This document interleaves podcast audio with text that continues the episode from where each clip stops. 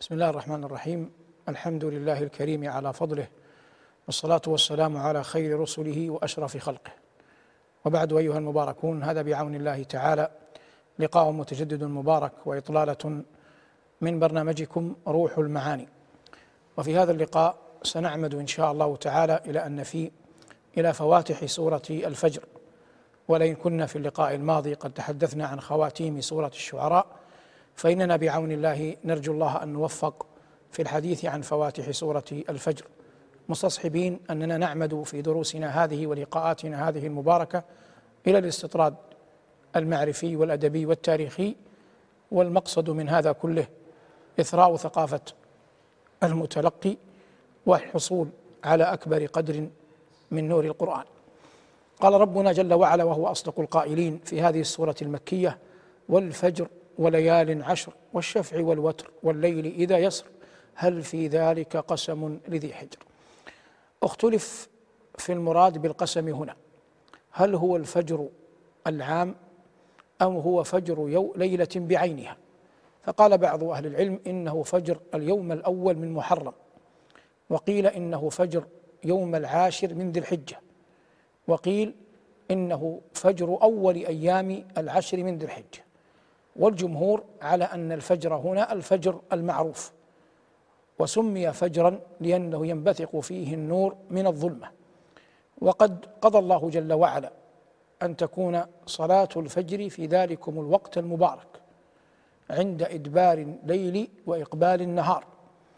وصلاة الفجر جاء النص عليها في القرآن عند قول الله جل وعلا أقم الصلاة لدلوك الشمس إلى غسق الليل وقرآن الفجر.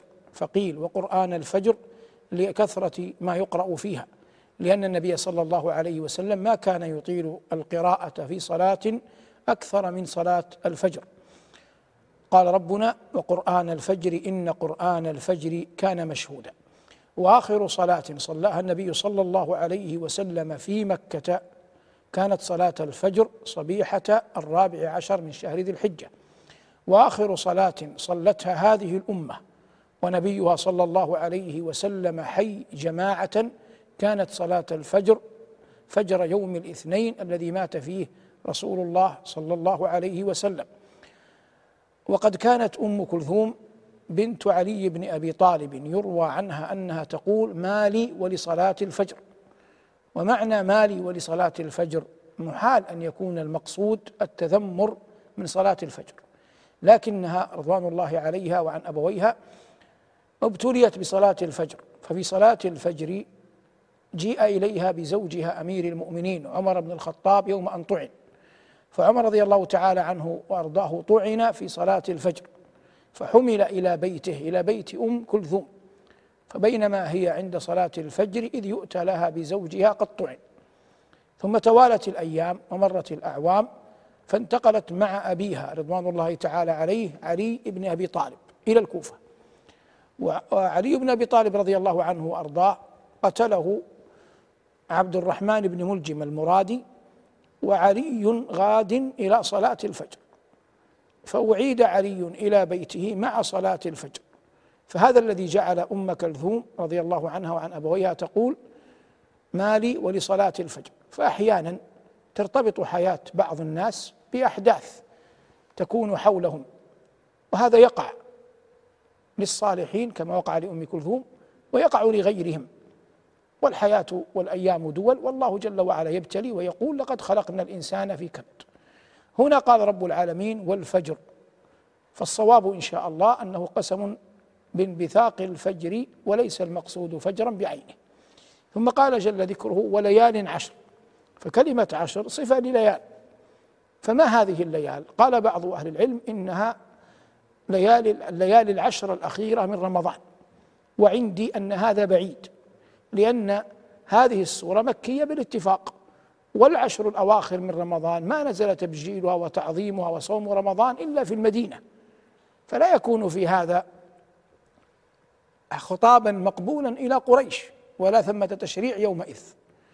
والذي يظهر العلم عند الله أن الليالي العشر هنا هن الليالي التي أضافها الله جل وعلا وأتمها لكليمه موسى بن عمران لأن الله قال في سورة الأعراف وواعدنا موسى ثلاثين ليلة وأتممناها بعشر فهي قطعا العشر الأول من ذي الحجة التي أتمها الله لموسى. على القول إن موسى الثلاثين الأول كانت شهر ذي القعدة. فإن قال قائل وما أدرى قريش بهذا؟ قلنا إن سورة الأعراف فواتحها نزلت قبل سورة الفجر على ما يظهر. فيكون قد علم الناس في مكة والمؤمنون الذين مع النبي صلى الله عليه وسلم بخبر العشر التي أتم الله بها الميقات لمن؟ لموسى وأتممناها بعشر. فناسب بعد ذلك أن يقسم بها مفردة دون الثلاثين. فقال الله جل وعلا والفجر وليال عشر. ثم قال ربنا جل وعلا والليل والفجر وليال عشر والشفع والوتر. فأقسم بالشفع والوتر والذي يظهر أنه قسم بكل الأشياء شفعها ووترها دون تخصيص شفع أو وتر بعينه. هذا قاله بعض أهل العلم وهو أولى. والقسم في القرآن إن استطردنا قليلا يأتي أحيانا ظاهر المعنى بحيث أنه لا يمكن أن تختلف عليه أن يختلف عليه الناس. كقول الرب تبارك وتعالى مثلا والشمس فلا توجد في الكون إلا شمس واحدة. فيكون بدهيا أن المراد بها الشمس التي يعرفها الناس. وقال جل وعلا كلا والقمر فهذا قسم. فلا اختلاف أنه القمر المعروف لأنه لا قمر إلا واحد يشاهده الناس ويرونه. لكن عندما تحتمل الآية معان عدة هو الذي يقع فيه الإشكال بين العلماء والمضمار الذي تجري فيه أقدامهم في تحديد المقسم به. مثلا قول الله جل وعلا والعاديات ضبحا. فالضبح الأصل أنه للخيل لكن قال ربنا جل وعلا والعاديات ضبحا فالموريات قدحا فالمغيرات صبحا فأثرن به نقعا فوسطن به جمعا. قال بعض العلماء ويروى هذا عن أمير المؤمنين علي بن أبي طالب رضي الله عنه أنها الإبل. لقول الله تعالى فوسطن به جمعا. والسوره مكية ولم يكن الجهاد قد شرع بعد. لكن قريشا تعرف الحج والعمرة آنذاك. فقول علي رضي الله عنه من هذا الباب أقوى. والجمهور يقولون إن الضبح تبع للخيل. فالخلاف هنا هل هو الخيل؟ هل هي الخيل؟ أم هي الإبل؟ قابل للاحتمال لأن كل أحد يقول بأحد القولين له قرينة له شيء يجعله يؤيد نجعلنا يجعلنا نؤيد قوله. وإن قال بعض أهل العلم إن القسم هنا ليس بالدواب هو المراد إنما المراد بمن على ظهورها. فإذا قلنا إن المقسم به الخيل فيكون المقسم المراد المجاهدون. وإذا قلنا إنها الإبل فالمراد الحجاج والعمار الذين يأتون على ظهور المطايا على ظهور الإبل. لكن ايا كان أنا أردت أن أبين أنه أحيانا يكون الآية تحتمل.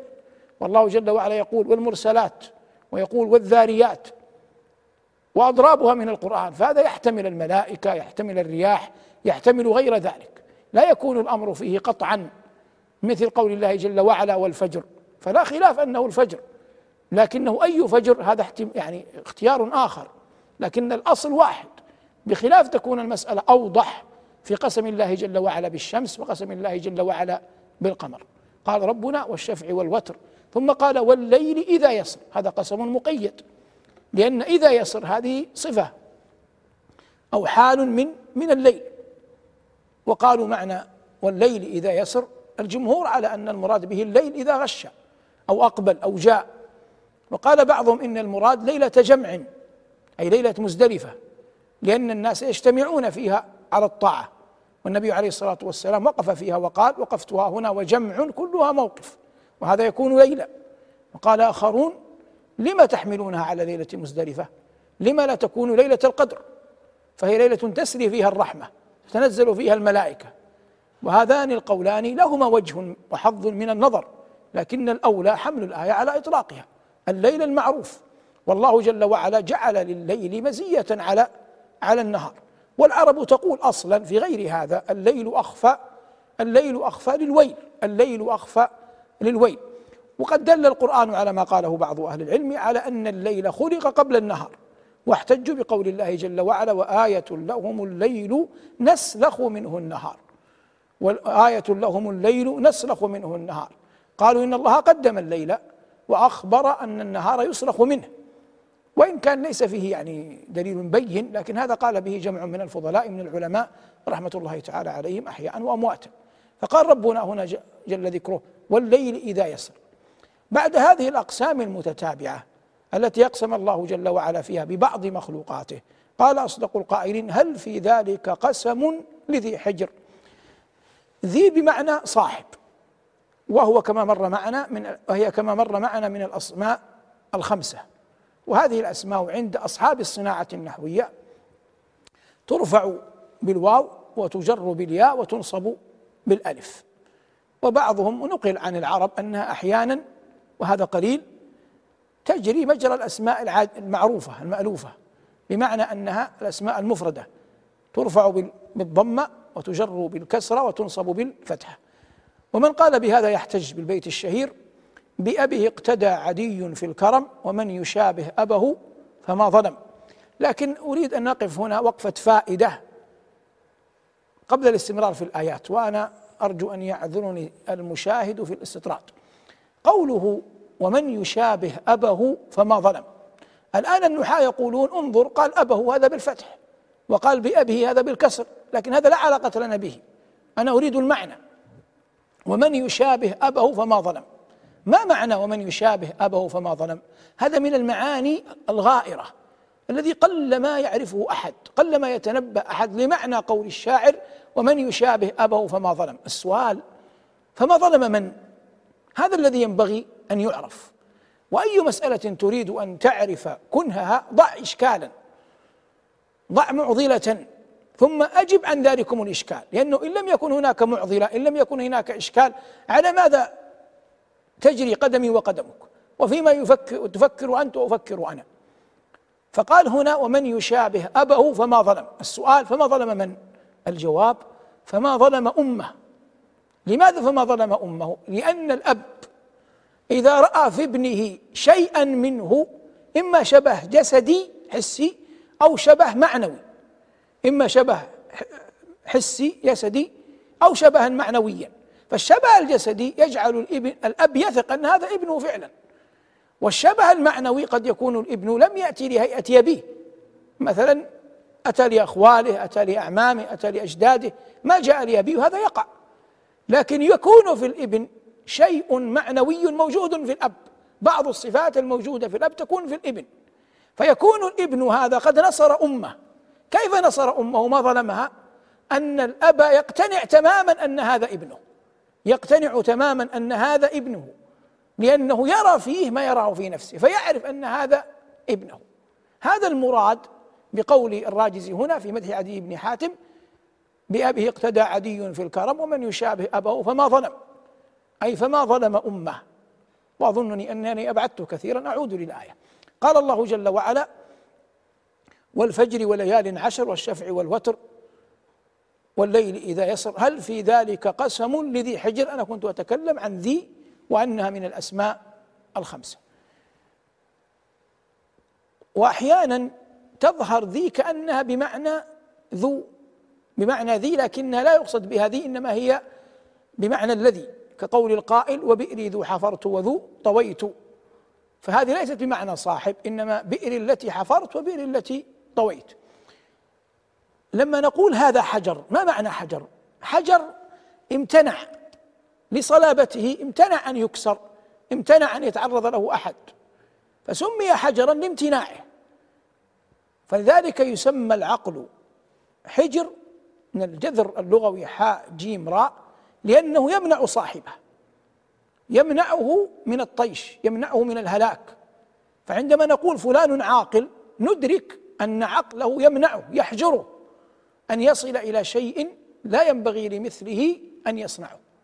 ولذلك أنت تحكم على الرجل بعقله ورشده وكمال عقله مما يقع منه من تصرفات. فإن كان طائشا في كلامه أو طائشا في أمواله أو في أحواله مع الناس يحكم عليه بنقص بنقصان العقل. لكن إن رأينا أفعاله رشيدة وتصرفاته حميدة حكمنا له على أنه عاقل. وهذا المعنى من قول الله جل وعلا هل في ذلك قسم لذي عقل لذي حجر؟ أي من كان ذا عقل ورشد وعلم أن الله جل وعلا وهو الغني عن كل أحد أقسم بهذه المخلوقات. وهو له جل وعلا أن يقسم ما شاء من خلقه. علم أن الأمر جليل وأن الله جل وعلا لم يخلق خلقه عبثا. قال ربنا أفحسبتم أنما خلقناكم عبثا وأنكم إلينا لا ترجعون. فمن قرأ وآمن أن الله خلقه من العدم ورباه بالنعم وأن الله أرسل الرسل وأنزل الكتب وخلق السماوات وخلق الأرض وأخبر أن هناك بعثا وأن هناك نشورا. هل يعقل بعد ذلك أن يكون الأمر هذا كله عبثا؟ محال. أفحسبتم أنما خلقناكم عبثا وأنكم إلينا لا ترجعون. مثل هذا ينزه الله عنه. فلهذا قال الله جل وعلا بعدها فتعالى الله الملك الحق. فتعالى الله الملك الحق. أي لا يمكن. محال. أن يقع مثل هذا من الجليل الكبير المتعال سبحانه وبحمده. فهذا من معاني قول الله جل وعلا هل في ذلك قسم لذي حجر؟ فمن كان عاقلا لبيبا منعه عقله أن يأتي ما حرم الله جل وعلا. هل في ذلك قسم لذي حجر؟ بعد ذلك بين الله جل وعلا لنبيه صلى الله عليه وسلم شيئا من أخبار الأمم الغابرة والقرون السابقة. قال ربنا ألم تر كيف فعل ربك بعاد. الهمزة في قول الله ألم ترى همزة استفهام. ولم هذه نافية تنفي. من معانيها النفي. العرب إذا قرنت الهمزة همزة الاستفهام بالنفي نجم عن هذا استفهام. يسمى استفهام تقريري. استفهام تقريري. وهو من من أجل اساليبهم في الكلام. قال جرير يمدح عبد الملك بن مروان ألستم خير من ركب المطايا وأندى العالمين بطون راحي؟ ألستم خير من ركب المطايا وأندى العالمين بطون راحي؟ النقاد القدماء يقولون إن هذا أمدح بيت قالته العرب لأنه جاء في صياغة استفهام تقريري جميل وهو من قصيدة شهيرة مطلعها. فيما قاله جرير يمدح بها عبد الملك بن مروان أتصحو أم فؤادك غير صاحي عشية هم صحبك بالرواحي تقول العاذلات علاك شيب هذا الشيب يمنعني مراحي. يكلفني فؤادي من هواه ضعائن يجتزعن على رماحي. عرابا لم يدن مع النصارى ولم يأكن من سمك القراح. إلى آخر ما قال. لكن الشاهد من ألستم خير من ركب المطايا؟ جاءت الآية هنا همزة استفهام بعدها لم. ألم تر كيف فعل ربك؟ يا محمد يا نبينا يا رسولنا بمن بعاد؟ وعاد مر معنا قبيلة عربية من العرب البائدة إرم ذات العماد. إرم هذه عند النحويين ممنوعة من الصرف. فلذلك لم تجر رغم أنها بدل من من عاد. وعاد جاءت مجرورة بالباء. فينبغي أن تكون إرم بالكسر لكنها لأنها علم ومؤنث والعلم إذا كان مؤنثا هو أحد أحوال أن يمنع الاسم من الصرف فيجر بالفتحة بدلا من الكسرة. إرم ذات العماد ذات القوة ذات الشدة. التي اسم الموصول لم يخلق مثلها في البلاد. هذه لم يخلق مثلها في البلاد. تعود على من؟ قال قائلون تعود على عاد. أجابهم آخرون قالوا لو كانت تعود على عاد لكان الآية ينبغي أن تكون في غير القرآن التي لم يخلق مثلها في العباد. وقال آخرون إنها تعود على إرم لا على عاد فيصبح المعنى بقرينة البلاد. أجابهم أولئك قالوا لو كانت المقصود بها المدينة نفسها ما قال الله يخلق التي لم ينشأ التي لم يبنى مثلها في البلاد. فكل معه قرينة وقد قلت إن القرائن إذا كان كل أحد معه منها حظ يصعب الفصل أو على الأقل يصعب أن تسفه رأي غيرك لأن القرائن مشتركة بينك وبينه وهذا مهم جدا مهم جدا أن يفهمه الإنسان حتى لا يطاول على غيره ولا يسفه آراء الناس ولا يعتقد أن الحق محصور عنده. فأنت تراه من وجه وهو يراه من وجه فأنت معذور بالنسبة لنفسك وهو معذور بالنسبة لنفسه. وقد قيل وهذا والله من الفرائد وإن كان القائلون به قليل. من كثر علمه قل إنكاره. من كثر علمه قل إنكاره. فالجرة أيها المبارك إذا كان الشيء الذي فيها يسير تحدث صوتا جلبة. أما الجرة إذا كانت مملوءة على آخرها فإنها لا تحدث صوتا. فكذلك كل أحد كلما كان كثير العلم يعرف للمسألة أوجها عدة يعذر غيره فيكون إنكاره أقل.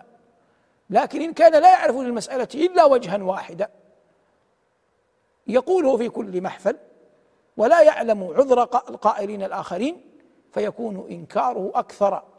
ولهذا قيل من كثر علمه قل قل إنكاره. والعلم عند الله. قال الله جل وعلا ألم تر كيف فعل ربك بعاد إرم ذات العماد التي لم يخلق مثلها في البلاد وثمود؟ أي وقبيلة ثمود الذين جابوا الصخر بالواد. ما معنى جابوا الصخر بالواد؟ جابوا فعل. معنى جابوا أي قطعوا. ليس المقصود أخذوا الصخر وجابوه باللغة الدارجة العامية وضعوه في الواد. لا لكن الوادي فيه صخر. الوادي وادي القرى الذي فيه ديار ثمود فيه صخر. هم قطعوا هذا الصخر. وجعلوا منه بيوت ينحتونها يدخلونها. الآن الفتحة التي في القميص تسمى جيب. تسمى جيب. لما تسمى جيب؟ لأنها قطعت. فالقطع يسمى جيب. ولهذا قال الله جل وعلا الذين جابوا الصخر بالواد أي قطعوا الصخر بالواد. وهؤلاء ثمود ونبيهم صالح عليه السلام. وثمود الذين جابوا الصخر بالواد ثم ذكر الله جل وعلا قوما آخرين قال وفرعون ذي الأوتاد.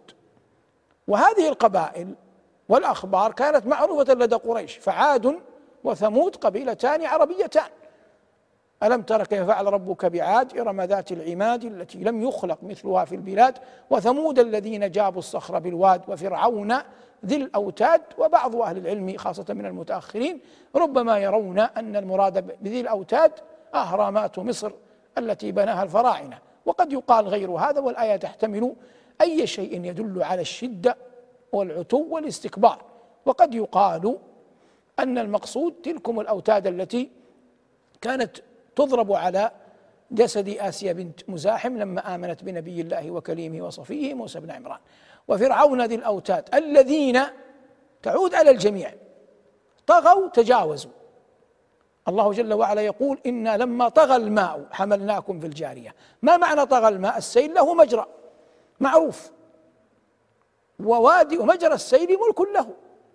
ما معنى طغى الماء؟ تجاوز. السيل مجراه. وذهب إلى أماكن ليست في مجراه. فتجاوز حده.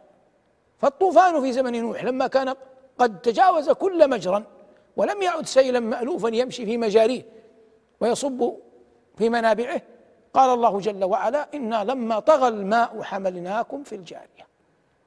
هنا قال الله جل وعلا الذين عائد على الجميع على الصحيح الذين طغوا في البلاد. أي كل منهم طغى في بلاده. كيف طغى؟ حارب الله جل وعلا بالكفر والعناد وترك الطاعات والاستكبار ورد الرسل وتكذيبهم وعدم قبول الآيات كما هو ظاهر محرر في في موطنه من عاد إلى ثمود إلى فرعون. إن كل إلا كذب الرسل فحق عقاب. بينه الله جل وعلا في صور أخرى متفرقات لكن هذا إجمال. ألم تر كيف فعل ربك بعاد؟ إرم ذات العماد التي لم يخلق مثلها في البلاد وثمود الذين جابوا الصخر بالواد وفرعون ذي الأوتاد الذين طغوا في البلاد فأكثروا فيها الفساد. فالفساد ما كانوا عليه من الشرك وسائر وسائر المعاصي. فصب عليهم ربك صوت عذاب. هذا كناية. كانت تستخدمها العرب في التعبير عن عن التعذيب بالصوت. وقد قال بعض أهل العلم إن أكثر تعذيبهم لمن لمن تحتهم كان بالصوت. فأخبرهم الله جل وعلا بما هو فيه. لكن قد يكون هناك شيء آخر. ما هو الشيء الآخر؟ الآن عندما يعني نحيل إلى شيء أدنى فثمة شيء أعلى. فمثلا أنت كانوا مثلا يريدون أن يؤدبوا بالصوت لكن إذا يريد أن يعاقبوا يقتلوا يستعملوا ماذا؟ السيف. السيف أشد إيلاما من الصوت. فكأن الصوت هنا في الآية والعلم عند الله إشعار بالعذاب الدنيوي بالعذاب الذي وقع عليهم في الدنيا. لكن ذلك لا يعني المطاف لا يعني النهاية في العذاب. وإنما وراء الصوت سيفا وهو النار. وإنما وراء السيف صوتا وهو وهو النار. قد يقبل هذا والعلم والعلم عند الله. لكن قد يعني يعان على هذا الفهم بأننا نرى مثلا أن بني أمية لما زال ملكهم وورثهم بنو العباس كان العباسيون يتتبعون آثار بني أمية ويقتلونهم.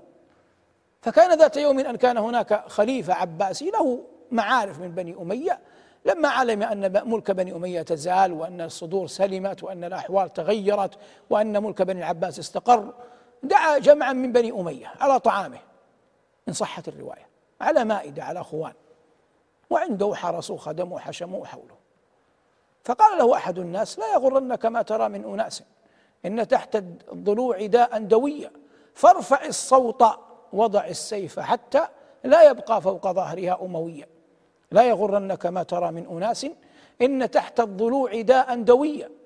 فارفع الصوت وضع السيف حتى لا يبقى فوق ظهرها أمويا.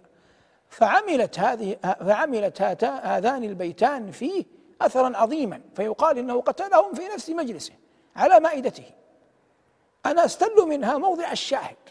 أنه قال له فارفع الصوت وضع السيف.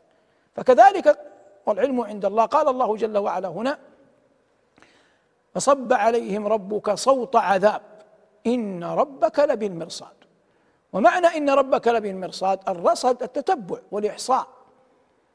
رصد كذا تتبعه وأحصاه ودونه. والمعنى أن لله جل وعلا ملائكة. وأن الله جل وعلا ما من عبد إلا وقد رصد له عمله. وقد قال ربنا جل وعلا يا أيها الإنسان ما غرك بربك الكريم الذي خلقك فسواك فعدلك في أي صورة ما شاء ركبك. كلا بل تكذبون بالدين وإن عليكم لحافظين كراما كاتبين يعلمون ما تفعلون. فكل أحد ممن غبر أو ممن بقي كلهم أو كلنا يرصد عمله. إن ربك لبالمرصاد. هذا قيل في تفسير الآية وهو أوجه وقيل تفسيرات أخر لكنها كلها تنبي عن عظمة الله جل وعلا وإحاطته تبارك وتعالى بأعمال خلقه. قال الله تبارك وتعالى وما جعلنا الرؤيا التي أريناك إلا فتنة للناس وإذ قلنا لك إن ربك أحاط بالناس. وما جعلنا الرؤيا التي أريناك إلا فتنة للناس وشجرة الملعونة في القرآن ونخوفهم فما يزيدهم إلا طغيانا كبيرا. نختم بعد هذا الحديث عن فواتح الصور بتفصيل حول ما قلناه قبل قليل عن البيتين في أن الله جل وعلا يقلب الأيام. ومثل هذا إذا رآه الإنسان فيما يكون من قيام أمم وذهاب أخرى وبقاء ملك وزوال غيره وبقاء وزوال امرأة وإتيان غيرها وأمثال ذلك مما يقع عبر التاريخ كله هذا يبين قدرة الله جل وعلا في خلقه وأنه تبارك وتعالى وحده من له الملك وله الأمر ألا له الخلق والأمر تبارك الله رب العالمين.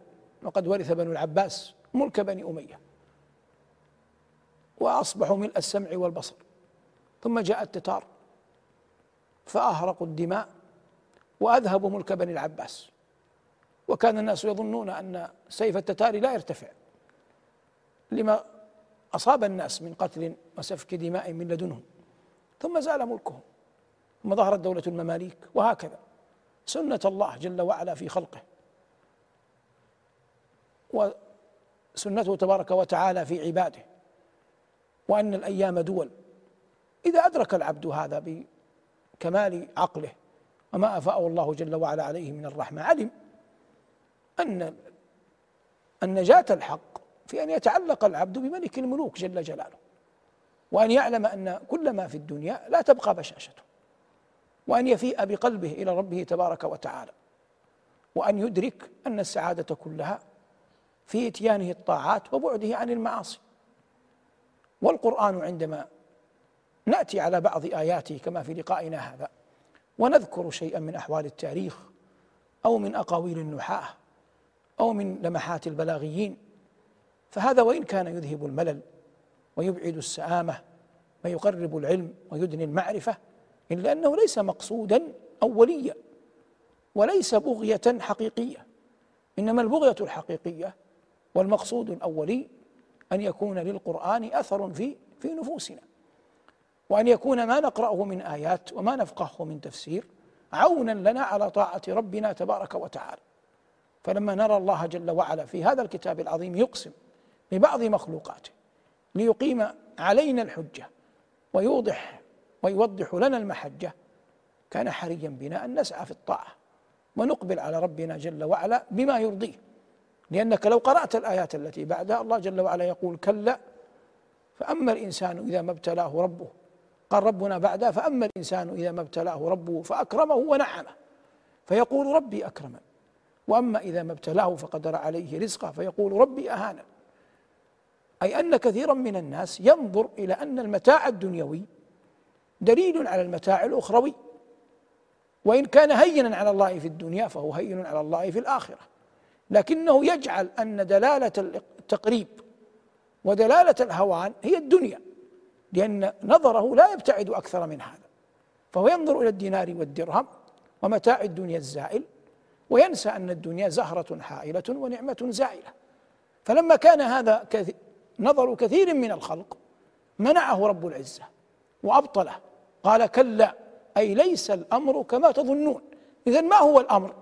الأمر أن الله يعطي الدين لمن يحب لا يعطي الدنيا لمن يحب ومن لا يحب. ولا يعطي الدين جل ذكره إلا إلا لمن يحب. ولا يعطي الدين جل ذكره إلا لمن يحب. فمن أراد أن يعرف كرامته على الله فلينظر أين توفيقه للعمل الصالح. أما المتاع الدنيوي فقد حرم منها أصفياء الخلق. ووجد من أصفياء الخلق من أعطي حقا ومتاعا دنيويا كسليمان عليه السلام وداود من قبله.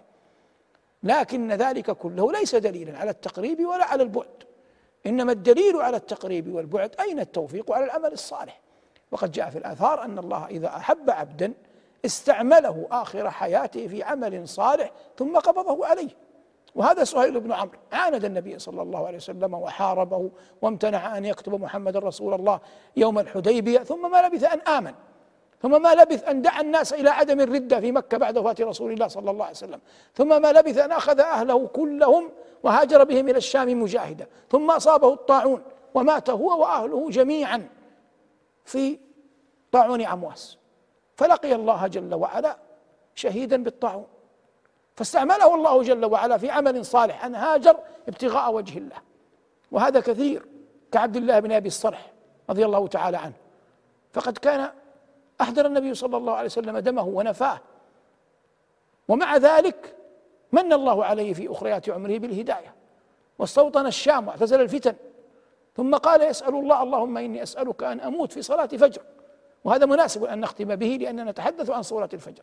فسأل الله أن أن يقبض روحه في صلاة الفجر. فصلى بالناس إماما وقرأ في السورة الأولى. نقل إلينا أنه قرأ بالعاديات ضبحا ولم ينقل ماذا قرأ في السورة الثانية. ثم سلم التسليمة الأولى. لكنه قبل أن يسلم التسليمة الثانية قبضت روحه في صلاة الفجر كما دعا. وانظر قبل التسليمة الثانية. فهذا توفيق لله جل وعلا أن مات هذا من الله جل وعلا لهذا العبد أن مات وهو يصلي الفجر. بعد أيام كانت خوالي لم تكن تسر. فلا يدري الإنسان والقلوب تقلب على أي حال يكون. لكن نقول ونحن نتحدث عن سورة الفجر. الله الله في في صلاة الفجر. الله الله في صلاة الفجر. أقم الصلاة لدلوك الشمس إلى غسق الليل. وقرآن الفجر إن قرآن الفجر كان مشهودا. هذا ما تهيأ إعداده وعان الله على قوله وصلى الله على محمد وآله والحمد لله رب العالمين. والسلام عليكم ورحمة الله وبركاته.